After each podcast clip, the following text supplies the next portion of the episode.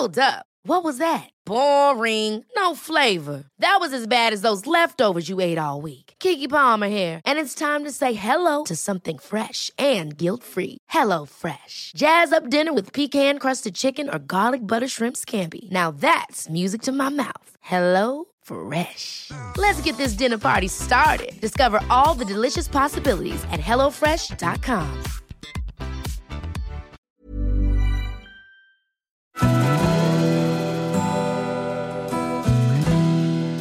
Välkommen till Stora relationsguiden. Podden där parterapeuten Anneli Östling tillsammans med sin sidekick Bella guidar dig genom allt som har med kärlek och relationer att göra. Följt av väl beprövade tips och råd.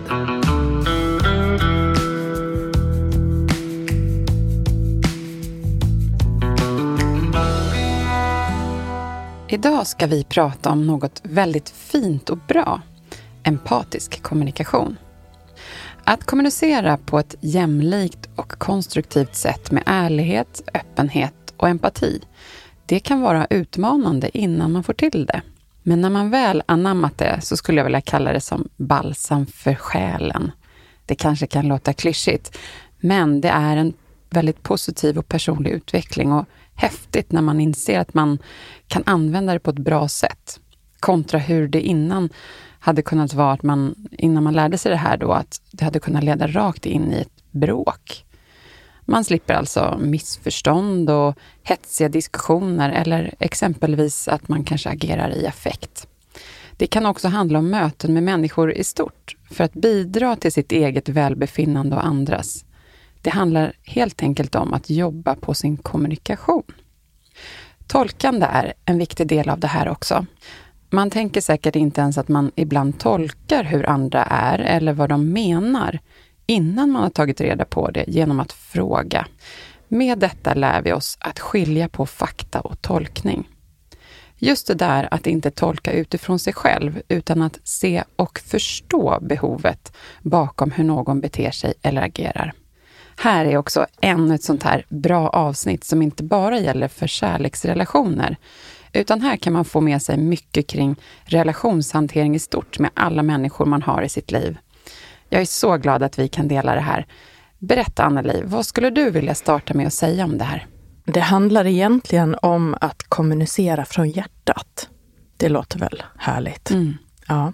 Och vi blir själva lyckliga av att uttrycka oss med empati för att inte tala om den välmående känsla som man kan ge till sin partner, men också till andra människor som man har i sin närhet på dagarna. Vill man upplevas som en behaglig, tydlig och ödmjuk person så rekommenderar jag att man lyssnar noga på det här avsnittet. Och jag eh, kan också säga att det här är nog mitt allra käraste verktyg när jag sitter på min mottagning och försöker att få par att eh, komma i kontakt med varandra igen. För att man lättare ska komma in i det här, eh, då kan vi ta ett exempel, Anneli?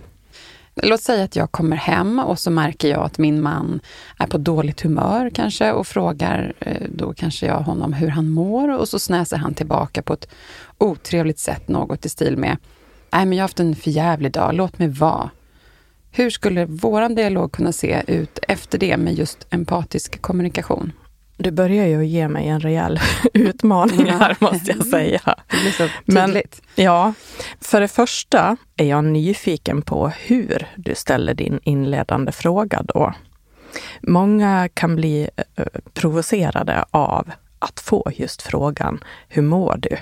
För det kan ju kännas anklagande som att man redan har satt en stämpel på att du eh, mår inte bra. Mm, jag tänker att det skulle kunna vara att jag bryr mig om dig. Ja, men speciellt om det är uppenbart att eh, partnern verkligen inte mår mm. bra. Då kan det komma som en ytterligare en käftsmäll. Jag förstår. Och om du däremot ställde den frågan på ett vänligt och icke anklagande sätt, just med omtanke, så skulle jag nog först bli lite förvånad i ditt läge. Och i den här situationen skulle nog jag välja att vara stor och säga okej, okay, jag lämnar dig i fred. Säg bara till om det finns någonting jag kan göra för dig. Jag går och fixar med mitt så kan du komma sen när du är redo. Jag har en sak jag vill berätta för dig, men det kan vi ta sen. Tack för tipset där. Ja. ska jag bära med mig. Hur är det då? Är inte det där en utmaning när man då precis möts av en respektlös partner? Jo, det är klart att det är. Och möts man av det här var och varannan dag så skulle nog jag fundera på att kanske lämna relationen. För det har man en partner som uttrycker sig på det sättet ofta, då är det ju någonting som är snett och jag skulle inte må bra av det.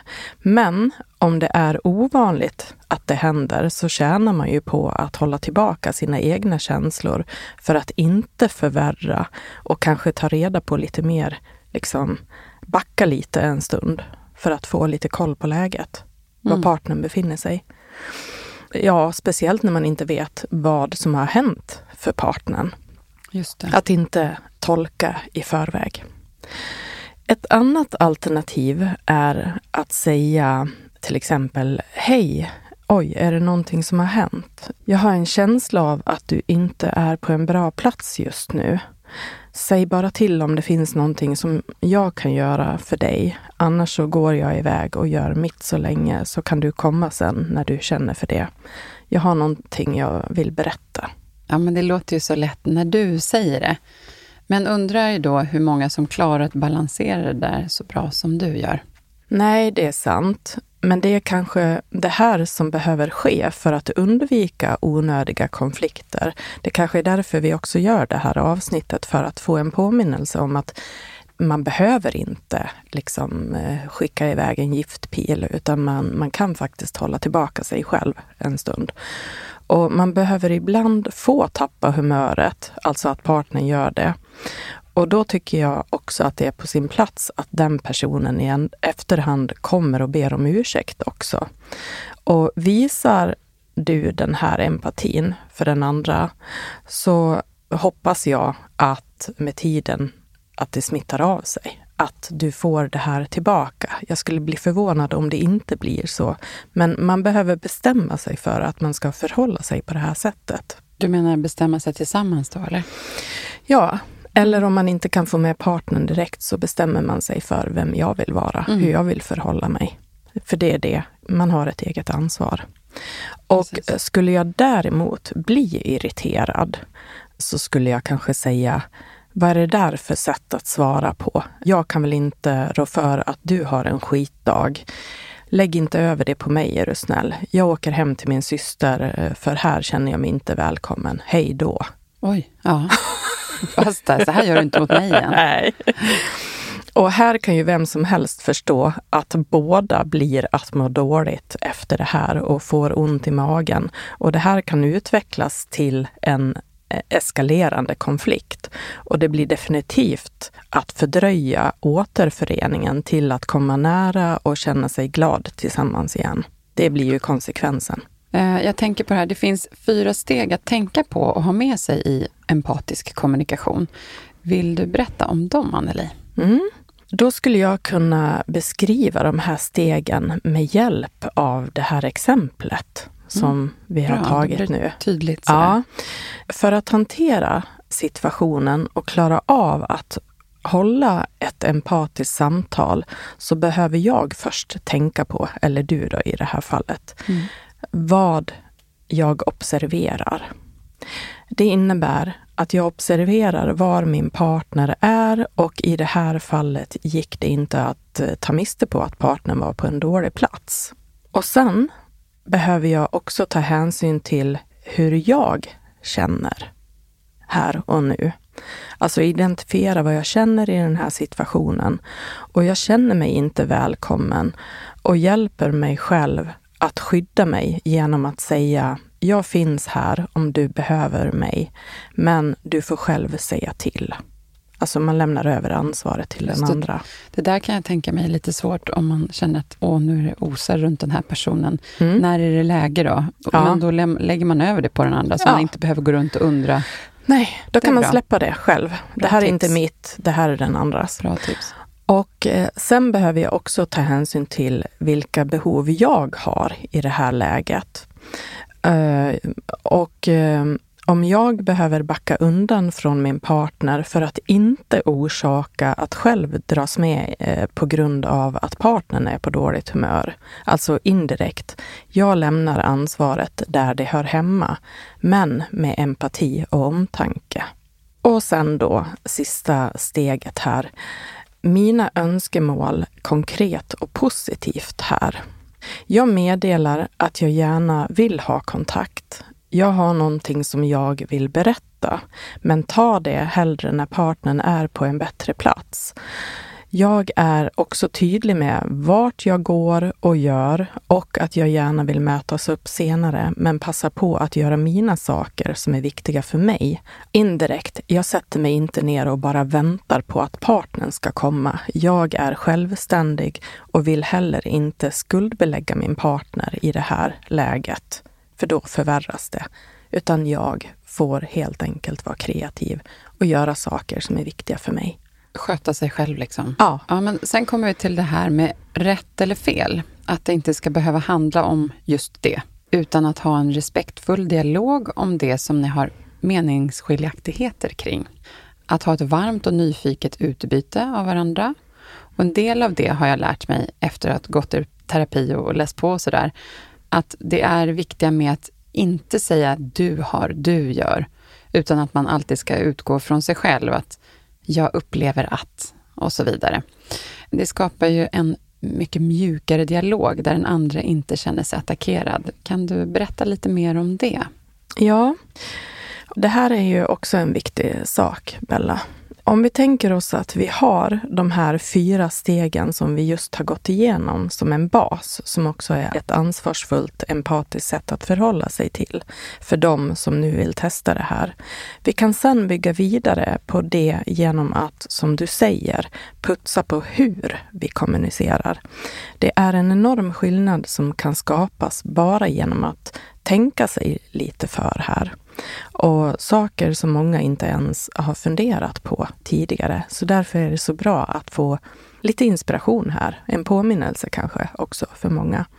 Då har jag några grundregler här. Jag kallar det för grundregler bara för att man ska notera att det finns mm. olika saker att tänka på som är viktiga här. Så grundregel nummer ett är att undvika att anklaga, vilket man gör när man säger du är eller du gör eller du tänker och än värre om man lägger till ordet alltid eller aldrig. Just det. Det här är bästa sättet att stänga igen dörren till sin partner som både blir provocerad och känner sig anklagad och dömd samt inte alls blir mottaglig för att lyssna på det viktiga du egentligen vill säga till din partner. Och grundregel nummer två, ta ansvar för det du upplever genom att säga Jag upplever att du är när du gör sådär. Det blir inte bra för mig. Eller, jag upplever att du brukar göra så där och det får mig att känna mig. Eller, jag har en känsla av att du tänker någonting om mm. mig och det känner jag inte igen mig i. Jag vill gärna förstå. Och jag kan också ha fel. När, när jag tänker att du tror det här om mig. Mm. Grundregel nummer tre. Visa och uttryck din sårbarhet istället för att låta missnöjd, sur och arg eller besviken. När du lägger till hur sakerna din partner gör, är eller tänker så behöver du berätta hur det här blir eller upplevs för dig. Och det du egentligen gör här är att du hjälper din partner att förstå dina reaktioner eller hur det här blir att fungera för dig. Är du med? Mm. Och i den bästa av världar så borde din partner vara intresserad av att dens sätt ska fungera med dig. Man vill att båda ska må bra. Ja. Man vill inte själv må bra, utan man vill att vi ska må bra. Ja, men det här är ett förhållningssätt. Man behöver eh, programmera om sig så att man tänker så. Mm. Och det är dock vanligt att man redan hamnat så snett med varandra och att det har skapats obalans som gör att båda uppträder på ett ogeneröst sätt med missnöje mot varandra istället för med respekt och genuin omtanke. Det är hemskt att säga, men det blir ett ganska korkat sätt att Mm. vara med sin partner på, när man bara ger igen. Och, eh, Barnsligt på något vis. Ja, barnsligt på något Ja. vis, men det är ju omedvetet. Ja. Alltså det är ju ofta i grunden en rädsla som gör att man agerar som man gör. Och jag tänker det är som man behöver programmera om. Ja, Man behöver aktivt tänka på det här. ja Mm. det behöver man. Och grundregel nummer fyra, berätta vad du skulle behöva för att må bra. För att du ska vilja vara ett team med din partner till exempel. Och för att du ska kunna vara ditt bästa jag. Sitt bästa jag blir man ju med någon som lockar fram det igen eller någon som respekterar en. Vilket alla dagar i veckan kommer att gynna din partner eller en partner. Det tänker jag att man, det är så man vill ha det med en kärleksrelation också. Att man ska bli sitt bästa jag med varandra och lyfta varandra. Och, Absolut. Mm. Och det här kanske inte kommer att landa väl första, andra eller fjärde gången om ni redan är i obalans. Men om du har tålamod och bestämmer dig för att det är så här du vill agera så kommer säkert den femte gången att bli bättre. Om man envisas med att bli förstådd i det här och Mm. uttrycker det på en, som en önskan på ett empatiskt sätt. mm. Och sen har vi grundregel nummer fem. Den kan egentligen bakas in i fyran, men jag nämner den som en egen punkt då den är så viktig. Och det är att belysa hur det här skulle kunna bli bra för båda. Vinsten för dig att få förståelse för dina behov och förhoppningsvis få dem tillgodosedda samt vinsten för din partner som kommer att möta en gladare, mer behaglig, kärleksfull partner som troligtvis kommer att vilja visa lika stor omtanke för dig. Här blir båda vinnare och relationen blir mera kärleksfull. Och jag känner bara att eh, jag får en sån här härlig känsla i magen bara jag säger det här. Mm. För att jag har sett det hända så många gånger. ja, men jag håller med. Mm. Ja, men var det den, sista? Ja, det var den sista. Okej, då tänker jag så här. Kan du ta några exempel på hur det kan låta när man använder sig av empatisk kommunikation? Ja, det skulle kunna låta så här. Jag kanske missuppfattade dig. Jag upplevde att du nonchalerade mig alldeles nyss när du sa någonting. Det känns inte bra för mig. Jag förmodar att det inte var din mening att såra mig eller få mig att känna mig nonchalerad. Jag hoppas att du vill försöka förstå mig eftersom det jag berättade för dig är så viktigt för mig. Mm. Vad Mm. fint. Det är bra när det blir så här tydligt. ehm, man kan applicera det själv på något vis. Ja, det är svårt att bli arg i ett sånt läge. Ja. Det kan säkert också hända, men ju mer man gör det här, desto bättre går det. Mm. Och eh, jag kan ta ett till exempel då. gärna. Man kan börja med att säga, du, är du mottaglig för att prata just nu? Jag har en känsla av att det var någonting som blev fel när vi hade vårt samtal om prioriteringar i morse. Och jag skulle vilja förstå vad det var som hände. Kan du hjälpa mig att förstå? Var det någonting jag sa som du reagerade på? Det var inte min mening att kritisera dig. Och om du uppfattade det så, så vill jag gärna be om ursäkt. Vad fint. Det här hoppas jag att flera Jag fick en bekräftelse av dig att Ja. det funkar. Ja. ja, men det känns... eh, Man liksom, det blir mjukt och skönt i magen. Ja. Då har vi fått lite tips här och jag att vi ska då brygga över till och lyssna på vad folket på stan tänker om empatisk kommunikation. ja, jag ställde frågan den här gången. När jag säger empatisk kommunikation, Vad innebär det för dig? Eh, ja, men att man är väldigt känslomässig eller att man har, man har lätt för att framföra sina känslor kanske i när man kommunicerar med folk. Jag är lite osäker på vad, vad det betyder om jag ska vara helt ärlig men eh, jag förmodar att det har någon koppling till empati. Så känslomässig instämning någonstans, att man liksom känner in känslor på något sätt. att eh, båda parterna betyder lika mycket i kommunikationen och att det går fram och tillbaka, lite som i tennis. Att man är lyhörd eh, och lyssnar på den andra och eh, ja, är omtänksam en kommunikation helt utan tricks eller konster eller några manipulationer utan bara en, en genuin kommunikation. Empatisk kommunikation för mig är en kommunikation som inte inte är beroende av att man gör sig till utan att man fritt utan hämningar kan göra sig förstådd på sitt eget vis och bli förstådd för det man menar. Jag tänker att det innebär att man inte lägger, om man inte håller med, att man inte lägger så mycket värderingar i eh, den, vad den andra personen säger, eh, utan bara eh, får lämna sina känslor utanför det ibland.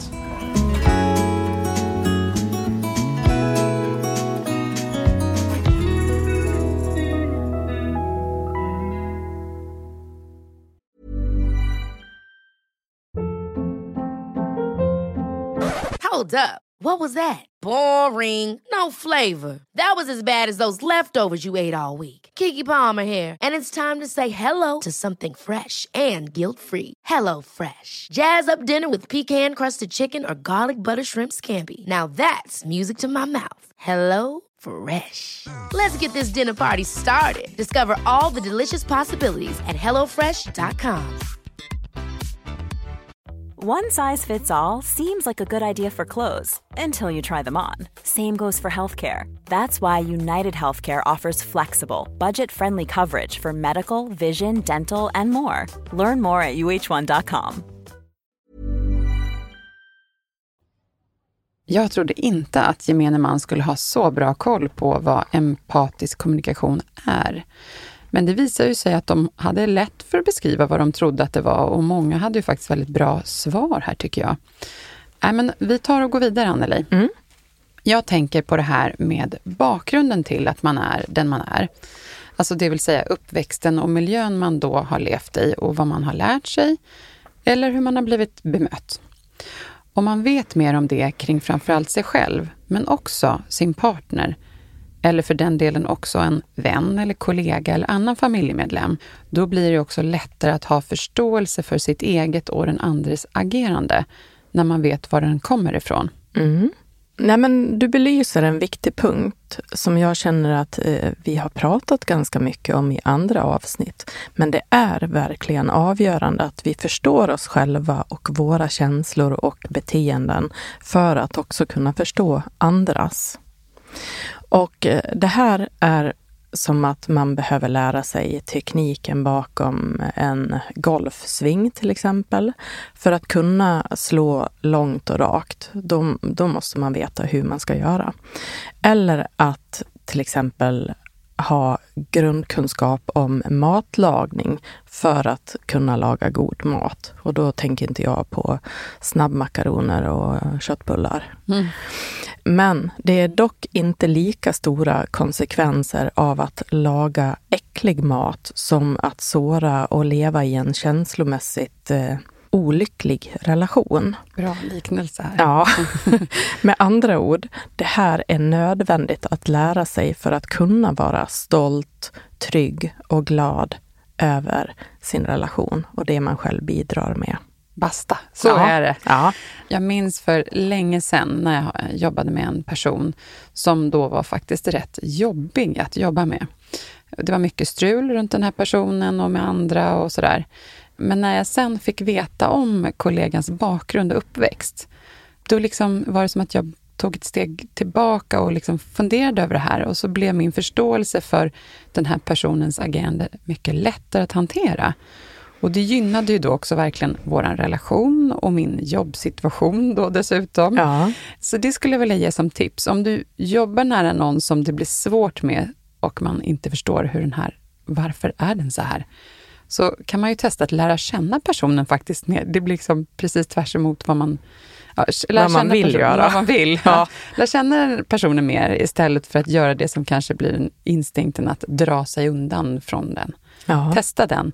Det är coolt när det blir en, en om, helt omvänd känsla. Vilken häftig upplevelse ja, för dig, tänker jag. Då kände jag så här, den här personen har haft det otroligt utmanande i livet. Jag mm. förstår att det kan ha blivit så här, men låt oss ta det som utgångspunkt, så vet jag lite mer hur jag ska kommunicera. Mm. Men vad lätt det är att kanske döma och tycka någonting ja. om någon som man egentligen inte har en aning om vad som Nej. ligger bakom. Då får man nästan lite dra svansen mellan benen och skämmas lite. Ja, men men Var också, större personen i det då också? Ja. Det här är ju lära för livet som kan skapa och förgylla alla typer av relationer, tänker jag. Och jag skulle vilja säga att det är omöjligt att vara en god ledare som ska lyckas motivera sina medarbetare till att prestera sitt bästa och samtidigt må bra och vara stolta över sin ledare och företaget man jobbar för.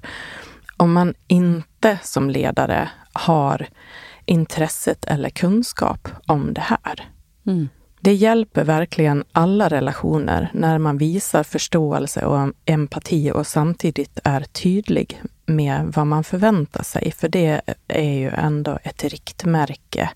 Att vara tydlig med vad man förväntar sig och för att medarbetarna ska veta hur de gör rätt. Och också känna empati, att jag är välkommen här som den jag är. Mm, en viktig grund. Mm. Och sen har vi det här klassiska med att lyssna på sin partner och även undersöka vad för känslomässiga behov den andra har.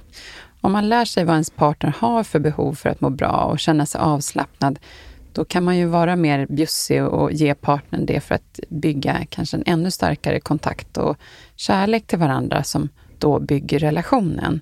Är det inte så, Anneli? Mm, jo, det här vittnar ju om att det här är någonting som du själv har mm. lärt dig och mm. känt effekterna av, mm. tänker jag. Det låter verkligen som ett empatiskt fungerande sätt i mina öron. Och det är så jag upplever att det faktiskt fungerar och mm. blir bra. Man mår också själv bra av att ge det och det kan vara den finaste gåvan att ge till någon annan. Det kan väl också vara utmanande om man inte är van att uttrycka sina då innersta känslor och behov. Eh, alltså att man kan bli väldigt sårbar då. Vad är bra att tänka för den som ska utföra det här och då respektive för den som ska ta emot? Jag vill först säga att man blir ju sårbar, men den som inte är van att uttrycka det här brukar ju sätta upp eh, fasader och kanske använda sig av försvar. Så att den där sårbarheten finns ju där. Och det behöver man komma ihåg, även om personen har svårt för att visa det. Mm. Det här är ett kritiskt moment när man bestämt sig för att göra den här förändringen. Alltså, den som inte är van att uttrycka sig känslomässigt brukar känna sig osäker och rädd för att säga fel eller misslyckas, för man, man kan inte det här helt enkelt och är rädd för att mötas av kritik eller missnöje igen. Någonting man förmodligen har fått göra om partnern länge har önskat sig det här men inte har fått det här är det viktigt att våga och ha mod att stå kvar och säga till exempel, jag försöker att göra på ett nytt sätt nu. Jag är inte bra på det här, men jag behöver verkligen få förståelse och att du ser min goda intention. Vad jag faktiskt försöker göra istället för att döma ut mitt försök. Mm. Och sen tänker jag att eh, det är viktigt och nästan viktigare att den som tar emot budskapet väljer att se det den andra gör som positivt och uppmuntra det här nya beteendet. Att fria istället för att fälla helt enkelt. Och eventuellt hjälpa genom att säga, jag märker att du försöker och jag är så glad för det. Sen skulle man kunna lägga till om man känner att det är läge att jag skulle dock vilja tipsa dig om att det skulle kunna fungera ännu bättre för mig om du nästa gång säger så här till exempel. Och det behöver då göras med en varm och vänlig ton. Och det kan också vara utmanande då man kanske är rädd i det här läget, att man ändå inte ska få det man så många gånger har försökt att få ifrån sin partner. Så det är också en utmaning för den som tar emot det här. Mm. Och önskan är så stor och så stark. Så det här behöver man balansera om man ska vara till hjälp för den andra mm. som faktiskt försöker. Man brukar vara liksom förberedd på att partnern ännu en gång ska misslyckas. Ja, men det är ingen bra känsla att känna att den andra väntar bara på snart kommer den falla tillbaka igen. Nej. Utan mer lyfta. Vad mm. bra mm. det här var. Det här funkar så bra när vi mm. gör så här, eller du. Mm. Kloka, bra ord att ha med sig. Mm. Sen har vi det här med att själv identifiera vad man har för behov. Hur kan man göra för att lära sig att börja med det? Kanske är så att man inte varit van att göra det så mycket i sitt liv, eller kanske faktiskt aldrig. Nej, många människor har vuxit upp med att ingen har noterat eller tagit ens behov på allvar. Och har man vuxit upp i en familj där man inte pratat om känslor och helst undvikit jobbiga saker, så kan det vara så att man knappt vet vad känslor och behov är. Man har tidigt i livet vant sig med att ta hand om sina egna behov eller överlevt genom att tillfredsställa alla andras behov. Jag skulle vilja uppmana alla som hamnar i situationer där en partner eller kanske ett barn eller för den delen en arbetskamrat eftersöker en större känslomässig omtanke, att man då blir nyfiken och inte rädd det är lättare sagt än gjort kan jag säga, mm. men, men eh, man måste ju börja någonstans. Mm. Och i min värld är känslorna livets kompass.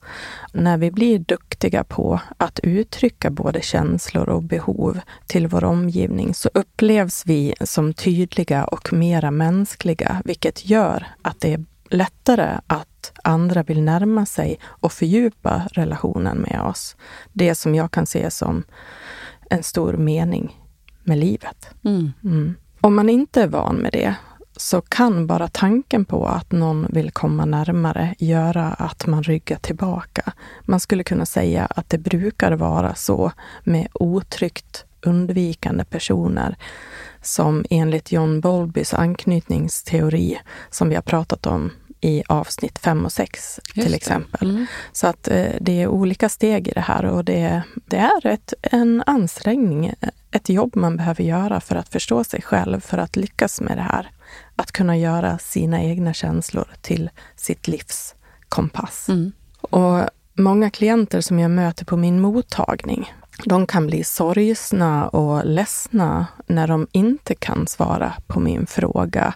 När jag, när jag säger eh, vilka är, är dina behov för att må bra? Antingen så säger de, jag har ingen aning. Jag har aldrig funderat på det jag vet inte vad jag har för behov. Eller så blir de eh, ledsna och säger att det aldrig har funnits utrymme för att ha några behov för mig i mitt liv. Man kanske har haft en förälder som alltid hade större och viktigare behov. Eller så har man aldrig känt att någon har brytt sig om ens behov. Och man kan ibland behöva professionell hjälp om man har svårt för att få fatt i sina känslor och behov. Men det finns mycket man kan göra själv mm. också. Bra, att man inte känner att jag har alltid haft det så, utan man kan också förändra det. Absolut. För att må bättre och känna styrkan i sig själv. Det är värt varenda liten ansträngning. Ja, men det skulle vara något förvånande om det aldrig mer kom en konflikt, tänker jag, i, i sin relation. Även fast man har lärt sig det här. Och särskilt om man som par är kanske väldigt olika. Men vad kan man tänka på här då? Är det det här mjukare förhållningssättet då när man ska utgå från sig själv? För om man ställer krav kan det ju bli mer kontraproduktivt, tänker jag. Ja. Alltså att man eh, ska tänka det, utgå från mig själv så att jag inte attackerar den andra. Jag tänker att en kombination av det där, att kunna ställa krav och ha förväntningar på ett empatiskt sätt. Men empatisk kommunikation kan och bör användas även och speciellt för att lindra och lösa konflikter. Jag tror att om man blir bra på det här så kommer konflikterna också att minska, alltså i ljudvolym om man säger. Mm. Om det redan har blivit konflikt eller ett samtal som blivit infekterat så skulle jag rekommendera att använda sig av det mantra som jag brukar kalla TBV, som betyder tydlig, bestämd och vänlig. Det är så bra. Det borde alla ha med sig. ja, jag vet att du tycker det. Mm. Det innebär att jag är tydlig med det jag upplever, alltså det jag upplever. Jag kan förstå att du reagerade när jag sa till exempel. Och jag tror att du missuppfattade mig då jag inte hade en avsikt att få dig att känna dig bortvald, men jag förstår att det är så du blev att känna. Och nu känns det som att vi fullständigt har fastnat och jag vet inte vad jag ska göra för att du ska vilja vara med och lösa den här situationen. Och jag är mån om att vi löser den tillsammans. Det är min upplevelse. Jag är tydlig med vad jag upplever, att jag just nu känner mig frustrerad och jag vet inte vad jag ska göra. Det här blev svårt för mig. Och sen är jag då bestämd i vad jag behöver för att kunna gå vidare med samtalet. Exempelvis att jag upplever att vi har glidit ifrån ämnet och skulle önska att vi pausar en stund och försöker att förstå varann istället och komma tillbaka till kärnan för att kunna enas om någonting som gör att vi löser situationen. Jag har svårt att vilja ta in det du säger när jag upplever att du anklagar mig just nu. Jag tycker vi pausar och tar en funderare och går tillbaka till kärnfrågan här. Blir det begripligt? Absolut. Jag tänker om det funkar alltid så i praktiken. Man har känslorna blossar in i kroppen och man bara ska vara så förnuftig. Ja, men det är ju det. Om man bara låter det vara så här, ja, nej, det funkar inte för oss. Och bara fortsätter liksom. Man måste ju göra en ansträngning för att, att göra någonting på ett nytt sätt mm. som kan fungera. Så att sorry Bella, det är bara att öva. Övning i färdighet. Ja. Och sen kommer vi till sista punkten då jag är vänlig genom att jag belyser hur det här kan bli bra för båda om vi lyckas förstå varandra och kanske kompromissar för att komma fram till någon form av lösning som vi båda kan vara nöjda med, vilket jag är mån om. Jag vill enas med dig och jag är också beredd att kompromissa, men jag behöver också känna att du vill det, för då kommer vi, det här kommer bli bra för oss då. Mm. Ja, men det känns väldigt empatiskt. Ja. Mm. Ja, men tack för de här eh, råden på vägen också. Nu har vi faktiskt bara pratat om det psykiska. Så då undrar jag, finns det något som vi bör tänka på rent fysiskt? Ja, här kommer vi in på ett intressant kapitel. Och när det uppstår obalans i intimitet och närhet och kanske till och med sexliv, så kan en stor del av det som gör att det förvärras är att man saknar den empatiska kommunikationen här. Man har inte tonat in sig med varandra och haft viljan att förstå varandra. Och den ena kan känna sig, till exempel om, om vi tar sex då, som är något tydligt. Den ena kan känna sig avvisad och den andra kanske känner sig dålig för att man inte har tillgång till sin lust just nu av olika anledningar. Och en anledning kan ju då vara att man har förlorat den känslomässiga kontakten och inte känner sig förstådd. Det här kan både bli skrämmande att vara i och sårande och frustrerande.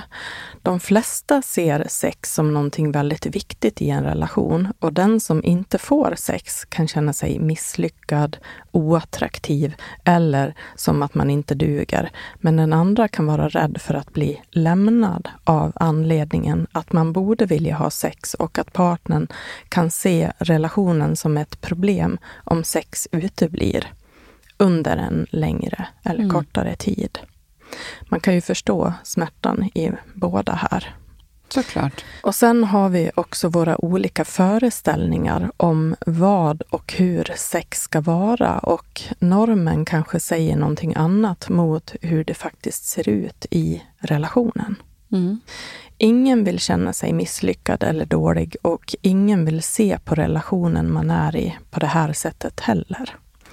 Och med empatisk kommunikation då, nu kommer jag till det, där man kan visa både sårbarhet och prata om sina behov, så kan man minska känslan av frustration och sorg under perioder med mindre sex. Mm. Själva samtalen i sig kan vara det som gör att man får tillbaka en skön känsla av varandra och förståelse istället för att distansen och frustrationen ökar. Precis, att det inte är bra att det, att ökar distansen på båda planen. Då blir det dubbelt upp. Mm. Vi, vi är långt ifrån varandra just nu. Ja, i princip att jag kan förstå att du saknar närheten till mig just nu när jag inte riktigt är kapabel att ge det. Mm. Och jag, jag är medveten om det. Men att man eh, kan säga just det där? Man kan säga just det där. Man mm. sätter ord på det. Man sätter lite fogmassa mellan kakelplattorna så att de fortfarande mm. håller ihop. Mm. Medan den andra kan säga att ja, och jag förstår att du känner dig pressad när du ser mitt missnöje. Jag ska försöka att hålla det tillbaka för att jag, jag vet att det kommer ändå inte fungera, utan det är bättre att du känner dig trygg med mig. Det var fint. Mm. Tack för det. Mm. Nu tänkte jag ställa en liten annan fråga här. Är det inte så att allt eh, blir så mycket trevligare när det känns också mer jämställt i en relation? Alltså att det handlar om att känna sig respekterad och sedd och eh, att det kan göra en stor skillnad för relationen. Ja, det håller jag absolut med om. Och vi är människor som möts.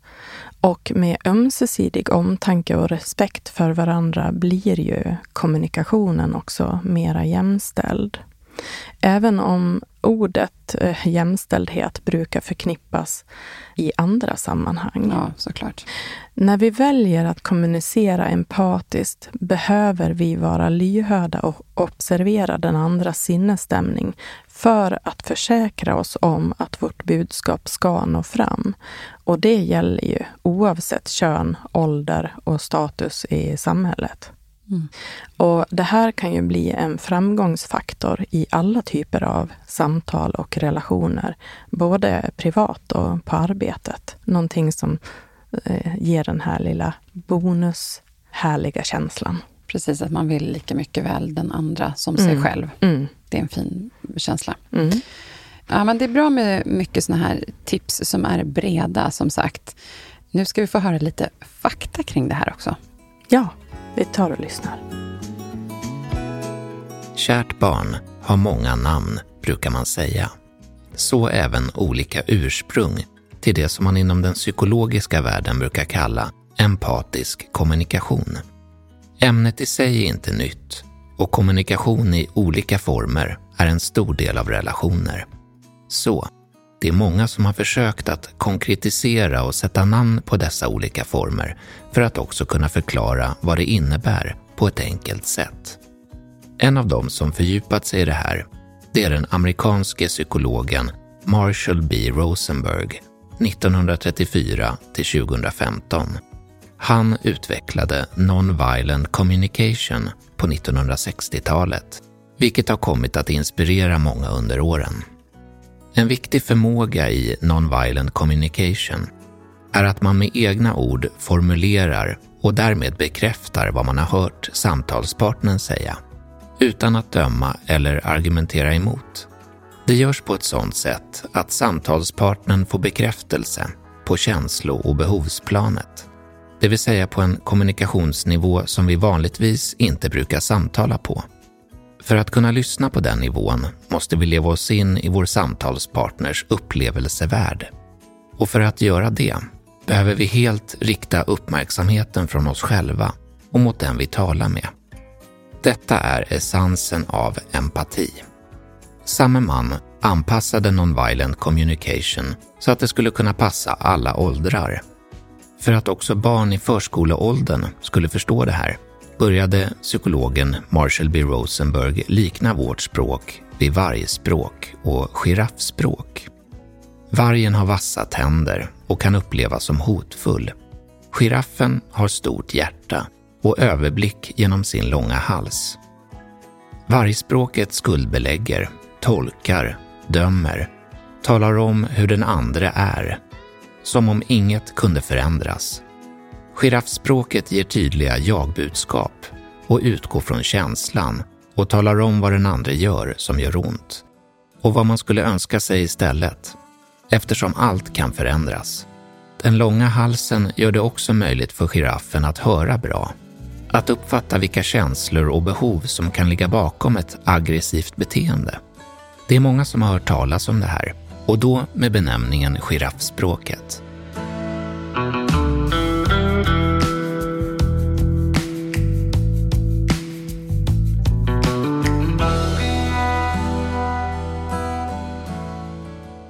Ja, men vad intressant att få höra det här om eh, giraffspråket.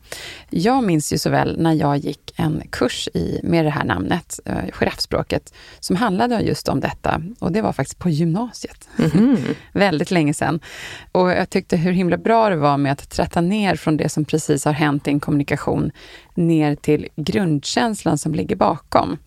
Och då fick jag lära mig det var lite annat än det som jag fick höra nu här om i faktarutan. Men det var att man liksom ser giraffens hals som en lång... Det upp, utgår från vad som kom ut ur munnen. Jag är förbannad på dig, kanske någon säger till mig då. Mm. Jaha, vadå då? För du, du är dum i huvudet. Jaha, vad, vad har jag gjort? Ja, men jag blir arg när du, när du beter dig sådär. Ja, men vad, vad är det jag har gjort då? Då liksom trattar man ner. Ja, men när du säger så, förstår du inte att jag blir ledsen? Jaha, är du ledsen? Nej, men det känns inte så schysst. Ja, men, så du är alltså ledsen i... Ja, jag blir ledsen. Och så blev det helt plötsligt, liksom man trattar ner och så kommer mm. ännu längre längre ner i hjärtat och magen. Mm. Och så landar det till, jag blir ledsen när du säger sådär, gör inte det. Men det som kom ut ur ur munnen på den där är att den blir förbannad och säger något otrevligt mot den. Mm. Och så kanske man då, då tar man hand om grundkänslan istället.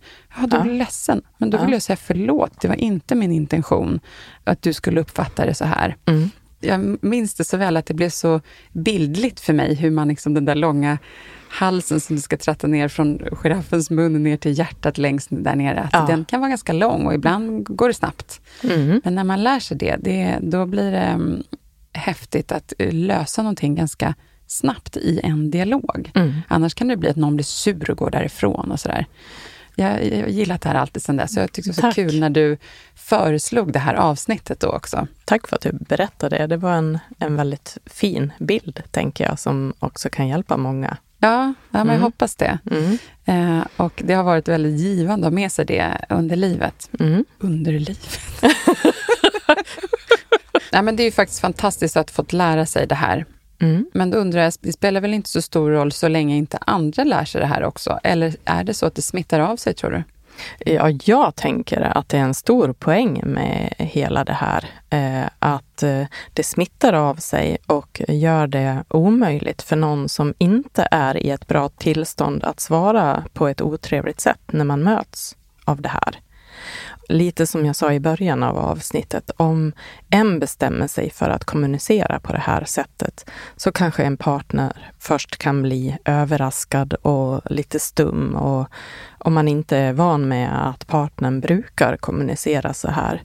Men efter flera försök, när partnern envisas med att att göra så här, så kommer det med tiden också att förändra ett beteende. Och det behöver finnas tålamod och stark vilja. För så är det med alla förändringar. Det tar mm. tid att förändra ett beteende och ett mönster. Alla blir vinnare här, men framförallt den som tog initiativet, ansvaret, från början till att vända en trist kommunikation till empatisk och kärleksfull.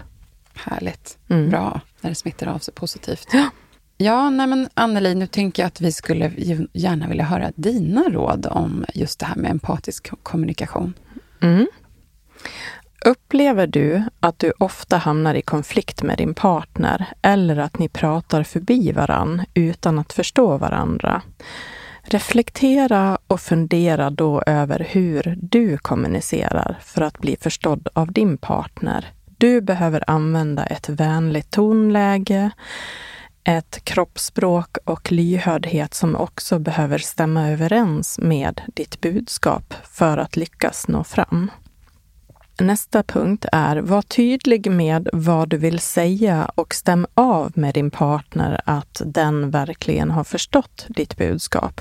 Det är extra viktigt när ni tar en känslomässig risk med varandra, det vill säga uttrycker någonting som är sårbart och kanske svårt att våga säga och som också är väldigt viktigt för dig eller er.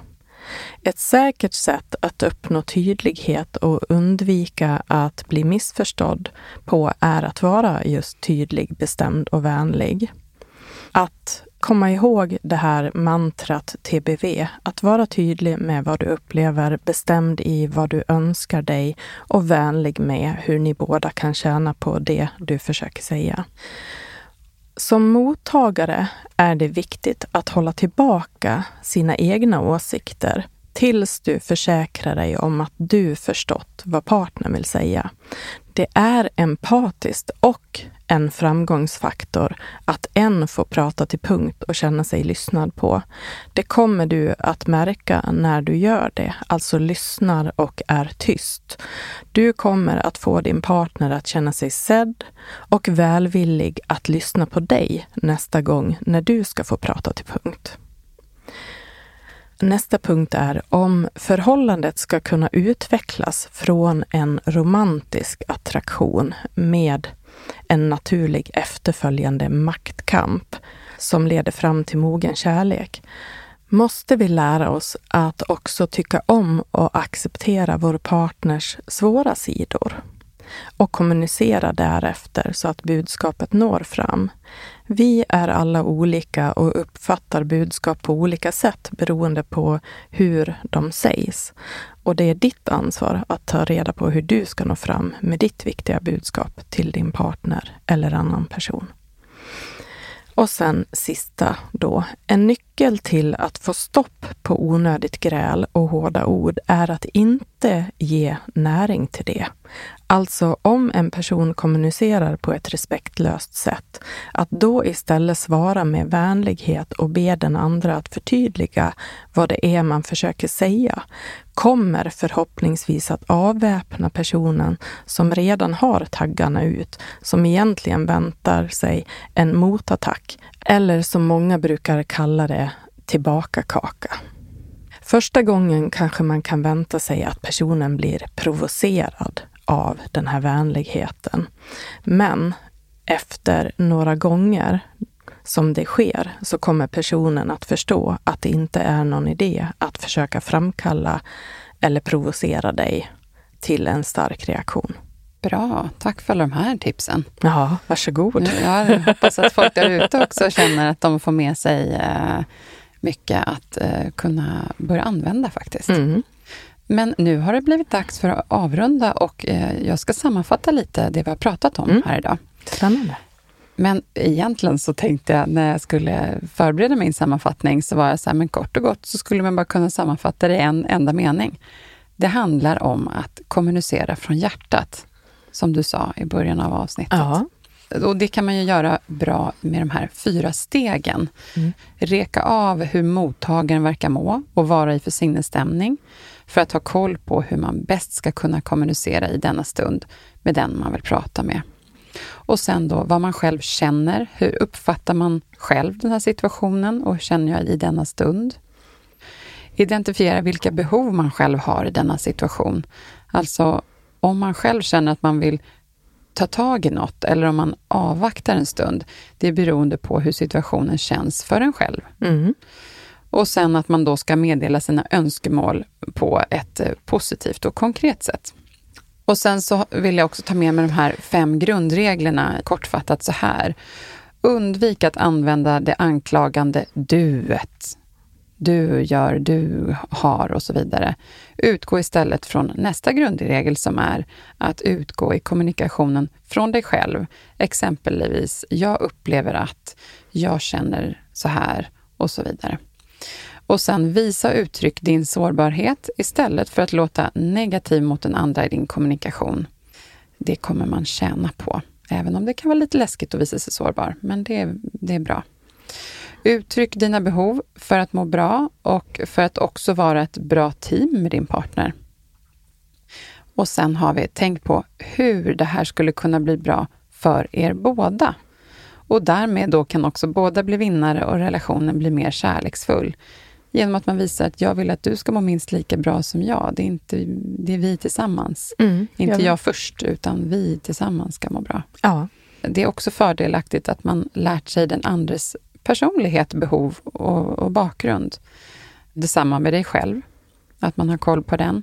Då blir det liksom som en enklare kart, alltså det blir enklare att göra en kartläggning inom situationstecken över hur våra två världar ska mötas på ett bra sätt.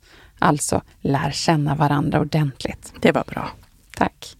Ja du Anneli, då var det dags för att avrunda och nästa vecka då ska vi prata om den betydelsefulla punkten i relationen då ni upptäcker att ni har börjat tänka i vi-form istället för jag-form. Hur lång tid det tar att nå dit varierar från par till par och beror till största del på vad ni har i ert bagage. Vissa par de lyckas aldrig uppnå känslan av ett vi eller att känna att man är ett team där partnern är ens självklara trygga hamn. Och det här är också ett sånt här avsnitt som jag kan känna att inte var det självklara poddavsnittet från början. Men ju mer jag började fördjupa mig i hur det här kan te sig i både nya relationer och relationer som har varit länge, så känns det som ett jätteviktigt avsnitt som ni inte får missa. Ja, men jag håller med. Mm. Det ska bli spännande. Mm. Och allra sist, ni hittar oss på sociala medier.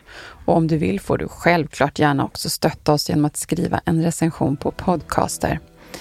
Tack för att ni har lyssnat och tack till Elias på Röstproduktion Stockholm som är vår speaker här i podden.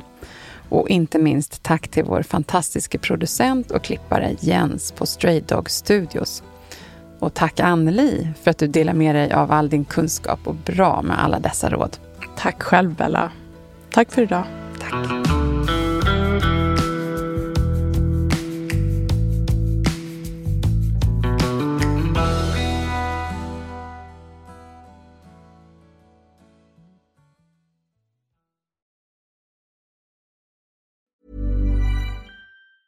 Ever catch yourself eating the same flavorless dinner three days in a row? Dreaming of something better? Well, HelloFresh is your guilt-free dream come true, baby. It's me, Gigi Palmer. Let's wake up those taste buds with hot, juicy pecan crusted chicken or garlic butter shrimp scampi. Mm. Hello Fresh. Stop dreaming of all the delicious possibilities and dig in at HelloFresh.com. Let's get this dinner party started. Hey, it's Paige DeSorbo from Giggly Squad. High quality fashion without the price tag? Say hello to Quince. I'm snagging high-end essentials like cozy cashmere sweaters, sleek leather jackets, fine jewelry, and so much more. With Quince being 50 to 80% less than similar brands. And they partner with factories that prioritize safe, ethical, and responsible manufacturing. I love that. Luxury quality within reach. Go to quince.com slash style to get free shipping and 365-day returns on your next order. quince.com slash style.